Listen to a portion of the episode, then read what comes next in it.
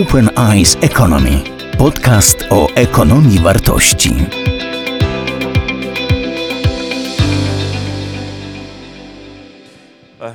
Jeszcze raz. Dzień dobry Państwu. Pomysł na tę debatę jest taki, że będziemy z Panem Prezydentem dyskutowali o Ukrainie. E, oczy mamy mieć otwarte na przyszłość, um, czyli odpowiadać na pytania, o które ludzie pytają codziennie w windzie, w tramwaju, e, na początek dnia. Kiedy człowiek wychodzi na ulicę, e, dostaje od razu pytanie, kiedy się skończy ta wojna. To jest pytanie, na które odpowiadam najczęściej od kilku miesięcy. A my musimy sobie też odpowiedzieć na pytanie, jak się skończy ta wojna. Musimy odpowiedzieć na pytanie, czy ta wojna skończy się e, na polu bitwy, czyli czy wielka bitwa o Donbas, a dzisiaj nie tylko o Donbas, ale o całą wschodnią granicę Ukrainy, skończy się w taki sposób, że Ukraińcy dostaną szansę, żeby dojść do swojej granicy.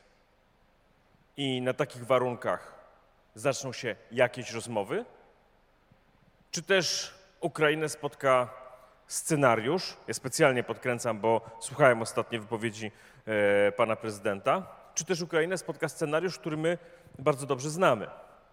A premierzy Polski, Mikołajczyk czy Sikorski znali go wyśmienicie.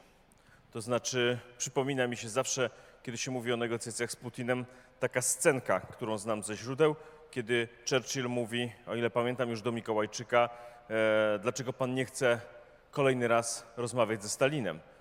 Na co Mikołajczyk mówi, bo ja już naprawdę nie mogę, straciłbym poparcie w swoim kraju. A Churchill mówi, ja pana nie rozumiem, bo mam nadzieję, że pan rozumie, że jeśli pan nie będzie rozmawiał, to ktoś będzie rozmawiał za pana. I te złowrogie słowa Churchilla brzmią, brzmią mi w uszach, kiedy mówi się dzisiaj Putinowi, mówi się dzisiaj Zełęńskiemu, rozmawiaj z Putinem. Ja myślę, że ta wojna musi się skończyć na polu bitwy. Ukraińcy muszą dojść do swojej granicy, bo inaczej to będzie sygnał dla Putina, ale także dla innych autokratów, że można siłą zmieniać granice w XXI wieku. Dla Polski informacja, że granice zmieniają się pod wpływem siły, to jest przekaz, że mamy tylko jedną szansę na bezpieczeństwo mieć bombę atomową, bo to jest jedyna rzecz, której Putin czy jakiś autokrata może się obawiać. Czyż nie tak? A zatem nasz interes jest również interesem, e, jest, jest tożsamy z interesem Ukrainy. I pozostaje pytanie, kiedy trzeba to zrobić. Zełęński ma takie swoje ulubione powiedzonko e, z gry o tron Winter is coming. To jest w gruncie rzeczy w tamtym kontekście dość złowrogie. Ale nie w, tym, nie w ten sposób używa tego prezydent Ukrainy. Ukraińcy mówią winter is coming, bo chcą przez to powiedzieć, że decydujące będzie najbliższe kilka miesięcy. Czyli w ciągu najbliższych kilku miesięcy trzeba dostarczyć Ukraińcom tyle broni, żeby byli w stanie dojść do swojej granicy do lata przyszłego roku. I z tych pozycji rozmawiać o przyszłości i z tych pozycji rozmawiać o pozycji Ukrainy w Europie Środkowej. A zatem moja teza brzmi: nie ma już dla Putina miejsca po Buczy, po Irpieniu przy stole negocjacyjnym. Jest dla Putina, Łukaszenki i jego ludzi miejsce przed Trybunałem Międzynarodowym. Zima nadchodzi, nie należy się bać tej zimy, tylko trzeba pomóc Ukraińcom, żeby w ciągu najbliższych 6-8 miesięcy zwyciężyli. Panie prezydencie, czy mój tok rozumowania jest prawidłowy? W moim przekonaniu nie do końca. Dlatego, że praktycznie poza jednym przypadkiem zakończenia II wojny światowej na zasadzie bezwarunkowej kapitulacji III Rzeszy przed całym zjednoczonym światem od Stanów Zjednoczonych po, odpowiedział od Stanów Zjednoczonych po Rosję stalinowską. Nie znam przypadku, żeby się, tak powiem, kwestie roz, tego typu rozstrzygały na polu bitwy. na ogół toczy się bitwy, wygrywa albo przegrywa po to, aby konflikt zakończyć jakąś formą y, umowy pokojowej, jakimiś negocjacjami. I ja z tego punktu widzenia patrząc, życzę Ukrainie jak najwięcej sukcesów militarnych, aby wzmocniła swoją pozycję przy przyszłym stole negocjacyjnym. Ale odrzucanie koncepcji e, rozmów, czy odrzucanie chęci wygrywania bitew, aby zakończyć wojnę e, przy stole negocjacyjnym, wydaje mi się być pułapką polityczną.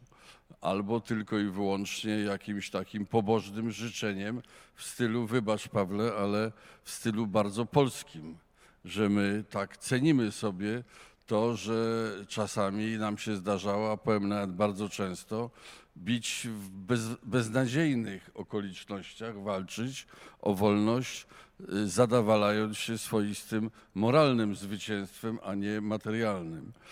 Y, Dzisiaj sytuacja jest taka, że Polska właśnie w imię tego doświadczenia musi szczególnie uważać, aby nie umacniać na Ukrainie tylko i wyłącznie przekonania, że to się wszystko może rozstrzygnąć na polu bitwy. Bo my mamy bardzo bolesne doświadczenia w tym zakresie, y, a dzisiaj sami siebie powinniśmy trochę miarkować, dlatego że, no powiem szczerze, ja nigdy nie przypuszczałem, że przypadnie mi rola gołębia. Ciebie o to, że będziesz jastrzębiem zawsze podejrzewałem, ale, ale ja uważam, że polska y, i y, polska polityka, polskie społeczeństwo nie ma zawahań żadnych, jeśli chodzi o wspieranie Ukrainy. Tyle, że my musimy bardzo uważać, żeby nie, nie zachęcać Ukraińców tylko do tego, żeby byli jastrzębiami, albo samemu nie występować w roli jastrzębi, ale jako dostarczycieli pewnej refleksji, pewnego, pewnego pomysłu idącego dalej niż pole bitwy. No ale to pomysł, słuchaj, pomysł jest prosty. Jest pierwsza od 300 lat okazja, absolutnie unikalna, żebyśmy razem z Ukraińcami zmienili historię tego kawałka Europy. Nie, nie uważasz, że tak samo... A dlaczego krótkie- uważasz, że pierwszy raz od 300 lat? Dlatego, że pierwszy, Obaj jesteśmy historykami, wiemy, że tak nie było. Już mówię, pierwszy raz od 300 lat, dlatego że od kiedy Rosjanie ukształtowali się, państwo, ukształtowali państwo rosyjskie, bo nie jest to państwo Rosjan przecież, jako imperium, jest pierwsza realna okazja, że przyciśnięty Putin nie da sobie rady, że imperium się zdecentralizuje, że niektóre kawałki imperium odpadną, na przykład na Kaukazie e, Północnym, że Ukraina wejdzie do Unii Europejskiej, e, że nowy ośrodek e, integracji, silniejszy ośrodek integracji z Zachodem przesunie się, czy, czy będzie umiejscowiony w naszej części Europy. No, że jednak z Ukraińcami, mimo tego, że my mamy wady, oni się dogadamy, zawrzemy pokój, taki jak na przykład pokój, jak, Fis- e, przepraszam, traktat, jak traktat akwizgrański e, Niemcy z Francuzami. No jest dużo do zrobienia teraz, jest duża szansa. Wiesz, Pawle, ale nie można mylić y, pobożnych życzeń i nadziei, bo ja też je mam. Oczywiście, jeżeli się uda Rosję podzielić wedle po szwach narodowych i tak dalej, to byłoby super, ale chyba nie dasz Ukraińcom gwarancji, że to się zrealizuje. Możesz marzyć o tym, możesz myśleć, można działać, ale Ukraina ma podstawowe zadanie, jakim jest przetrwać jako niepodległe państwo e, i zakończyć tą wojnę w, jaki, w taki sposób, żeby mogła egzystować dalej i funkcjonować, odgrywać swoją rolę e, w tym rejonie Europy. Takie Chciałem skończyć tą moją wcześniejszą myśl. My, Polacy, musimy szczególnie uważać, żeby nie być, y, nie występować w roli tych, którzy y, zachęcają Ukrainę do przelewania krwi y, w każdej sytuacji i w każdej ilości. Ja, my, Polacy, jesteśmy zainteresowani tym, aby, nie wiem, w tym, że im więcej Rosja straci czołgów, samolotów, im poniesie dotkliwsze klęski, tym z punktu widzenia Polski jest lepiej.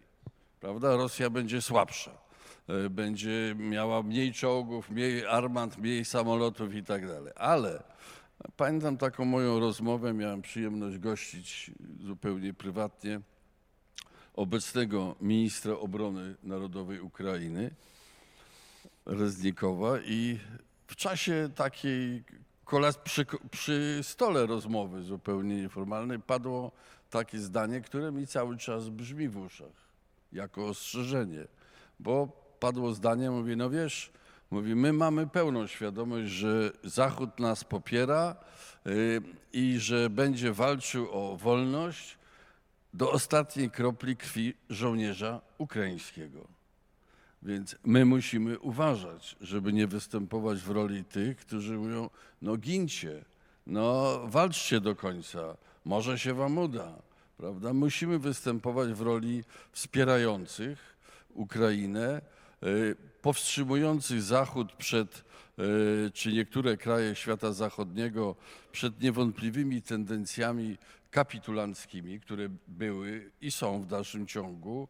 Y, Musimy podtrzymywać w opinii publicznej i polskiej, i świata zachodniego takie przekonanie, że Ukraina ma szansę i że trzeba jej pomagać w każdym obszarze. Ale ja czuję wewnętrzny, wewnętrzny opór przed namawianiem Ukraińców do tego, aby w imię także i naszych interesów przelewali w sposób e, taki e, ponadstandardowy ukraińską krew. No tak, ale ja ci przedstawię inny scenariusz, który też powinien cię niepokoić, bo wyobraźmy sobie taki scenariusz, że nagle, no ja też nie jestem zwolennikiem, żeby Ukraińców zachęcać do walki, gdyby chcieli podjąć rozmowy. Tylko dzisiaj sytuacja wewnętrzna na Ukrainie jest taka, że gdyby prezydent podjął takie rozmowy, to prawdopodobnie miałby przeciwko sobie e, pół Ukrainy, a może więcej. I wyobraźmy sobie teraz e, taki scenariusz, że my, no przyjmując taką spokojną, konserwatywną postawę, e, dając sobie trochę na przeczekanie. Już nie mówię, że pomijamy tę historyczną szansę, żeby e, pozwolić się wreszcie Imperium Rosyjskiemu rozpaść, tak jak rozpadły się imperia holenderskie, portugalskie, jak rozpadły się właściwie wszystkie imperia, które były i pokazać, że nie ma świętych imperiów. Ale też, że w momencie, kiedy Ukraińcy chcą walczyć, i naszym zadaniem jest tylko pomóc im, żeby dostali broń. To my będziemy im wykręcali ręce i mówili: rozmawiajcie z Rosjanami teraz. Czy nie boisz się tego, że ten proces doprowadzi do e, zamrożenia oczywistego ciągu wydarzeń, który się rozpoczął w Rosji i w ten sposób uratujemy Imperium Tylko wiesz co, Pawle, ja nie widzę ani w polskiej polityce, ani y, w, dzisiaj także w polityce świata zachodniego, takiej tej najpoważniejszej, nikogo, kto chciałby Ukrainie w imię rozpoczęcia rozmów wykręcać, jak to mówisz, ręce. E, Ja, wystarczyło, w Polsce rzeczywiście się namnoży, namnożyły jastrzębie, które chcą toczyć wojnę z Rosją rękoma ukraińskimi. Chcą, bardzo. Ja pamiętam, raz miałem wypowiedź chyba miesiąc temu, gdzie zareagowałem na, w moim przekonaniu, błędną wypowiedź prezydenta Zelenskiego, który mówił o tym, że z Putinem nigdy nie będzie rozmawiał. A ja powiedziałem, że należy mieć gotowość gotowość do rozmów nawet z Putinem, y, jeśli taka będzie, będą okoliczności sprzyjające. Nawet nie, nie mówiłem o potrzebie rozpoczęcia rozmów, a się rzucili na mnie i z lewicy, i z prawicy y, jako na kapitulanta, mimo że jestem chyba jednym z niewielu polityków, którzy na samym początku wojny w ogóle stawiali w Polsce problem, że Ukraina ma szansę i że należy się w to angażować. Ale uważałem i uważam do dzisiaj, że ta wypowiedź prezydenta Zelenskiego błędem, była błędem dla, politycznym, dlatego że zrobiła fatalne wrażenie wielu krajach świata zachodniego, w wielu krajach europejskich na przykład, które nie mają w sobie ani takiego poczucia e, społeczeństwa tych krajów, nie mają poczucia, że się toczy walka w pełni o ich, y, o ich y, wolność i nie chcą, nie lubią takich postaw, powiedziałbym, radykalnych bardzo. I, no i wystarczyły dwa tygodnie, aby prezydent Biden i polityka amerykańska przypomniała stronie ukraińskiej, że nie, to nie jest najmądrzejsza postawa. No i ja z pewną satysfakcją odnotowałem, że prezydent Zelenski no, zasadniczo zmienił swój pogląd w tej sprawie i na szczęście, tak uważam, to nie znaczy, że zachowanie gotowości do rozmów ma oznaczać rozpoczęcie rozmów, szczególnie kapitulacyjnych ze strony ukraińskiej. Absolutnie nie. Należy, jeszcze raz toczyć wojnę, wygrywać tą wojnę po to, żeby uzyskać jak najlepsze warunki, jednak w ramach y, pewnie poprzez aktywność już dyplomacji. Może- Jeżeli się będzie stawiało tylko i wyłącznie na rozstrzygnięcia militarne, to według mnie utraci się to, co Ukraina ma, co jest najcenniejsze dla Ukrainy. Poparcie społeczeństw świata zachodniego. A może, opinii a może. Zełenski miał po prostu refleksji po kilku wizytach e, przedstawicieli administracji amerykańskiej, e, kiedy jednak no chyba nie przyjeżdżali mu składać życzeń świątecznych, tylko coś mu tam proponowali i pewnie mm, i mówiło się o tym, bo 3-4 tygodnie temu wszystkie e, dyplomatyczne źródła huczały, można powiedzieć o tym, że Putin szuka porozumienia z Amerykanami, tak żeby uchronić swoją władzę i to wtedy przecież nastąpiła największa eskalacja wojny. Może historia przyzna właśnie rację Zełęskiemu, że publicznie Słuchaj, ale powiedział, Pawle, wiesz, ja proponuję, żeby rozmawiać o faktach, a nie o domysłach. no to fakty były takie, Nie, że no. Putin wtedy rozpoczął masowe bombardowania całej No, Ukrainy. no właśnie, więc ja myślę, I co to- byś powiedział, gdybyś był urzędującym prezydentem? Ja nigdy bym nie powiedział, że nie siądę do rozmów y, z, z drugą stroną, bo mówię wprost, gdyby to był kwestia losu Polski, to ja bym rozmawiał i z diabłem. Biłbym się z tym diabłem do końca, by, biłbym się, chciałbym się bić do zwycięstwa, ale nigdy bym nie powiedział, że nie będę szukał rozwiązań na drodze dyplomatycznej, szczególnie wtedy, jeżeli to by oznaczało utratę y, tych największych atutów, które ma Ukraina, to znaczy wsparcie świata zachodniego. A ja jednak A- to a jest jeśli chodzi perspektywa o- byłego prezydenta, ale gdybyś urzędował i spadło na twój kraj w ciągu trzech kolejnych dni po 100 rakiet, to pewnie nie miałbyś innego wyjścia, tylko e, powiedzieć twardo, że walka będzie trwała. Ale ja tu nie widzę, że w ogóle żadnego problemu, no bo jeżeli ktoś mnie atakuje, należy się bronić i należy bronić się jak najbardziej twardo, ale nie wolno mówić, że nigdy nie siądę do, do, do rozmów y, z, z Rosją putinowską, no bo póki co innej Rosji nie ma, jest ta, a jeżeli to by miało oznaczać utratę li, poparcia liczącej się części opinii publicznej krajów zachodnich, no to jeszcze raz miałbym świadomość, że to jest błąd polityczny, że bić się trzeba po to, aby zakończyć wojnę na jak najlepszych warunkach. Ja sobie, może ty masz większą wyobraźnię, ale ja sobie nie umiem wyobrazić, e, żeby ta wojna rosyjsko-ukraińska zakończyła się tak jak druga wojna światowa, e, bezwarunkową kapitulacją Rosji putinowskiej przed Ukrainą. I nie wyobrażam sobie, też może mam za małą wyobraźnię, żeby wojska ukraińskie zajęły Kreml, Ro- Moskwę, Kreml, a Putin popełnił samobójstwo w bunkrze pod Kremlem. Ale to są zrobił inne Hitler. scenariusze. No, po To ja- prostu ja... sobie tego nie mogę wyobrazić. pomogę twojej Mimo, wyobraźni. bardzo chciał Ja pomogę różnych twojej- rozwiązań. Już, już pomagam twojej wyobraźni. Otóż wyobraź sobie, że ta rozmowa się toczy, no powiedzmy, w e, 1916 roku. Albo wyobraź sobie, że ta rozmowa toczy się w 1986 albo 7 roku. I pomyśl, jak wielu doświadczonych polityków, jak ty, mówiło wtedy, że sobie nie są w stanie wyobrazić e, rozpadu Rosji. Czasami, Pawle, czasami miej- od jakiegoś, od Pawle, jakiegoś to miej scenariusza odwagę, dzieli nas tylko miej krok. odwagę i powiedz, że tak będzie. Ale ja mam taką odwagę, Ale mówię to to od kilku lat. marzenia, nie... Każde imperium na świecie się rozpadło No i dobrze, dużo bezpieczniej tylko- jest powiedzieć, że to się rozpadnie, niż twierdzić, że Rosja będzie trwała wiecznie. Można marzyć o rozpadzie. Tak marzyła Polska w czasie I wojny światowej i tuż po, po I wojnie światowej. Yy, No, ale to się nie zrealizowało. Więc według mnie można o tym marzyć, ale nie wolno budować w Ukraińcach przekonania, że tak będzie.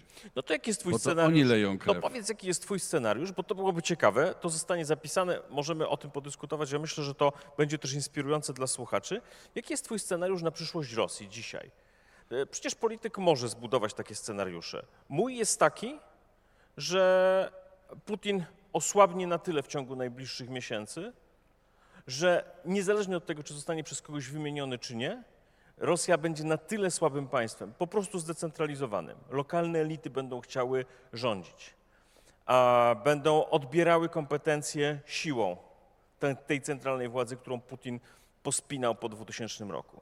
Że ja, tam się ja to szansa. samo powtórzę, co ty powiedziałeś, tylko zawsze powiem, że to są moje marzenia, a nie, realny, a nie plan, który mam głębokie przekonanie, że on się zrealizuje i będzie źródłem bezpieczeństwa i Ukrainy, i Polski. No ale trend jest. No, ja się zgadzam z tym, że Rosja jest ostatnim imperium kolonialnym w, na świecie, które się nie rozpadło. I bardzo bym chciał, żeby się rozpadło. Ono się to częściowo dokonało w momencie rozkładu Związku Radzieckiego. To to imperium się rozkłada i jest rzeczywiście duża szansa, że się, tak powiem, rozpadnie do końca. To widać na Środkowym Wschodzie, e, w Środkowej Azji widać przecież. mm, e, Ukraina odgrywa tu istotną rolę jako istotny element powstrzymania Rosji przed możliwością odbudowy e, e, imperium I, dlatego z punktu widzenia Polski, między innymi dlatego jest tak istotne wspieranie Ukrainy. Ale jeszcze raz powiem, nigdy bym nie powiedział, że to jest plan, no bo z tego rodzaju planów one były przecież parę razy w historii polskiej myśli politycznej obecne, ale nigdy się tego, to się nie, nie powiodło. My możemy to o tym marzyć, możemy w tą stronę działać, ale jeszcze raz powiem, nie można nam budować przekonania na Ukrainie, y, w Ukrainie, że to jest y, plan zbawienny dla Ukrainy tej sytuacji, która istnieje. Bo za tym, Pawle, stoi cały czas polska pokusa i świata zachodniego, żeby Ukraina się biła o naszą i waszą wolność do ostatniej kropli krwi ukraińskiej. My się nie bijemy. Ja My możemy to wspomagać. Mam, mam I nie można występować w roli tego, który innych namawia, lej tą krew jeszcze, yy, tak powiem, większym strumieniem. My możemy pomagać Ukrainie na tysiąc sposobów i to robimy. Możemy przede wszystkim namawiać świat zachodni, aczkolwiek trzeba mieć świadomość, że polski głos nie jest głosem najważniejszym. Głosem najważniejszym dzisiaj jest głos Stanów Zjednoczonych, jest- ale jaki będą. To jest dyskusja, ja Coś mogę- się wydarzy w czasie wyborów prezydenckich. Mogę ci trochę, mogę ci trochę przerywać, To bo nie też nam jest. mija czas. Chciałbym porozmawiać jeszcze na koniec o polskich pokusach, a mianowicie myślę, że w jednej sprawie się zgodzimy, że dzięki postawie społeczeństwa, dzięki temu, co się wydarzyło w ostatnich latach, e, ta polska aspiracja, żebyśmy byli bardzo ważnym państwem Zachodu, może być zrealizowana. Co trzeba zrobić, jako jak to wynika z Twojego doświadczenia politycznego, żeby nie zmarnować tej szansy, która w tym nieszczęściu pojawiła się dla Polski dzięki postawie polskiego społeczeństwa. Bo ja myślę, że e, tak zbyt łatwo powiedziałeś o tych polskich marzeniach, a ja na przykład jako e, troszkę młodszy od Ciebie polityk mam takie marzenie, żeby w związku z tym, co się wydarzyło w naszym kraju, jeśli chodzi o postawę społeczeństwa, e, wzrosła pozycja Polski w NATO, w Unii i właściwie każdego dnia myślę o tym, jak te aspiracje zrealizować. Jak Ty to widzisz? Ja widzę to trochę szerzej, szczerze mówiąc, bo widzę, że to działa w dwie strony. Ja uważam, że nasza postawa wobec Ukrainy, ona dla świata zachodniego nie jest zaskoczeniem, bo przecież Polska zaangażowana była i jest w wspieranie ukraińskich aspiracji, y, zarówno jeśli chodzi o utrzymanie suwerenności, jak utrzymanie y, całości terytorialnej, integralności terytorialnej, jak chodzi o kierunek prozachodni Ukrainy, to Polska jest konsekwentna od roku 90, kiedy jako pierwszy kraj poparła niepodległość Ukrainy. Myśmy byli pierwsi nieprzypadkowo, bo tak odczytywaliśmy to także jako No powiem, i to trzeba też Ukraińcom mówić i nie wstydzić się tego, jako polski interes. No bo dla nas to, czy jest Ukraina niepodległa, to jest kwestia, czy o 1000, 1200 czy 1500 kilometrów dalej na wschód zaczyna się Rosja, czy bliżej naszej granicy, prawda?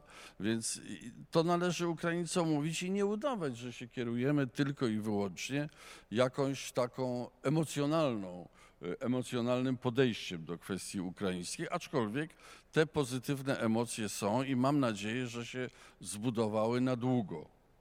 E, Ale chcę powiedzieć, że uważam, że nasze wsparcie dla Ukrainy, ono oczywiście daje pewne e, plusy, e, jeśli chodzi o nasze relacje ze światem zachodnim, bo powiedzieć, ale jest według mnie generalnie jest odwrotnie. To znaczy nasza mocniejsza albo słabsza pozycja w ramach świata zachodniego, ona ma istotne znaczenie dla większej swobody i większej albo mniejszej skuteczności e, w budowaniu relacji polsko-ukraińskich opartych o wspólne marzenie o tym, żeby ta część Europy przestała się bać impe- neoimperialnej Rosji.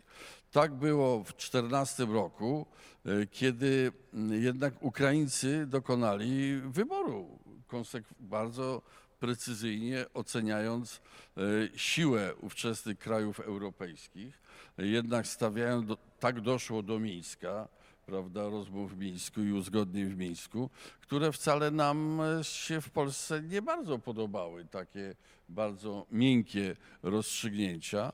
E, Więc powiem tak, im nasza mocnie, im mocniejsza pozycja w świecie zachodnim, w NATO i w Unii Europejskiej, tym nasza realna możliwość skutecznego pomagania Ukrainie i większa nasza atrakcyjność dla Ukrainy w przyszłości. Więc to, y, to, to są w obie strony działające jakby wektory. I jeszcze chciałem powiedzieć taką rzecz, że y, ta przyszłość relacji polsko-ukraińskich jest y, mm, czymś, co rzeczywiście może zmienić układ sił w tej części Europy pod jednym wszelakoż warunkiem. Dla nas podstawową, podstawowym źródłem naszego bezpieczeństwa i rozwoju to jest przynależność do Unii Europejskiej i do NATO. To jest najważniejsze, więc my powinniśmy się angażować w ramach NATO i w ramach Unii Europejskiej na rzecz Ukraińskiej, jakby zrozumienia potrzeb Ukrainy i wspierania Ukrainy. Yy, Powinniśmy się także angażować, ale w ten sposób się angażować w rozwiązywanie problemów świata, powiedziałbym, yy, no nie tylko no, tej wschodniej części Europy, ale pilnując, żeby się nie, nie wyobcować, nie wypaść z głównego nurtu myśli e, świata zachodniego. Bo przecież te pomysły takie były. Tutaj próba przeciwstawienia e, e, integracji europejskiej, jakiegoś integrowania się w ramach e, rejonu ABC, bliskie memu sercu z czasów opozycji antykomunistycznej, no ale to, było, to był błąd. Można i trzeba budować jak najbliższe relacje w tej części świata i tu widzę istotną rolę Polski, ale bardzo trzeba pilnować, żeby nie było to odbierane jako zamiast integracji europejskiej albo przeciw e, Unii Europejskiej. A to był błąd obecnej ekipy polskiej, która dosyć późno się wycofała. i Na szczęście na pozycję, że budujemy tą flankę wschodnią czy wschodnioeuropejską, ale się deklarujemy, że to nie jest e, pomysł na osłabienie Unii Europejskiej.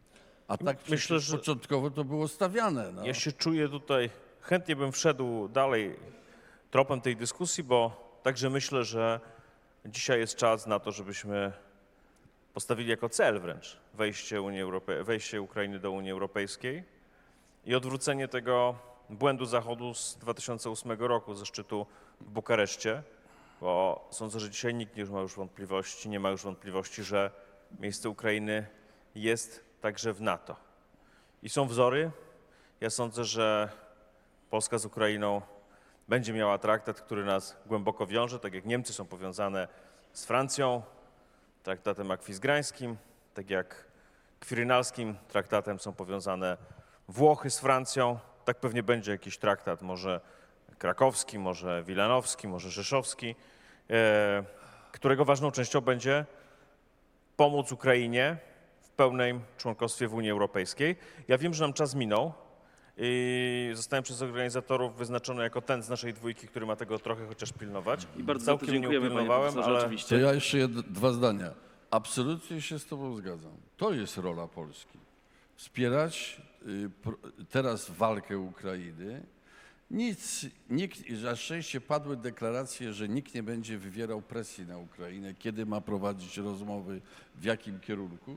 To Ukraina musi zdecydować, uwzględniając jednak uwarunkowania. No, co tu dużo gadać, Zachód w wielu przypadkach stosuje, jeśli chodzi kroplówkę we wspieraniu Ukrainy. Pewnie dlatego, że trochę się obawia, e, tak powiem, zbyt daleko idącej samodzielności w decydowaniu o kierunku, który przyjmie Ukraina teraz i w przyszłości. Ale polską, polskim zadaniem wspieranie dążenia Ukrainy do związania się ze światem zachodnim, tak jak to się udało nam.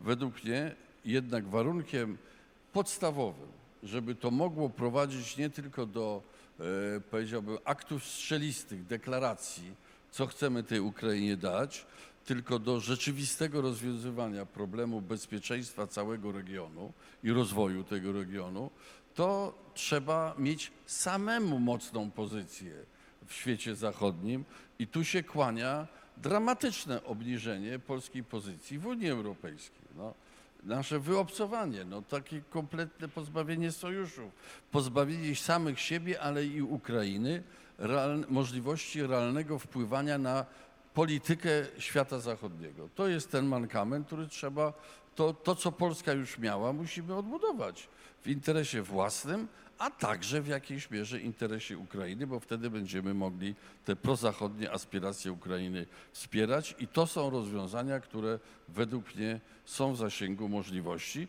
Oprócz tego można marzyć o tym, że się oderwie Syberia od Rosji, można marzyć o paru innych rzeczach, ale skoncentrujmy się, proponuję na, tak powiem, umacnianiu wolno- niepodległości Ukrainy i prozachodnim jej kursie. Dziękujemy bardzo za tę część e, spotkania.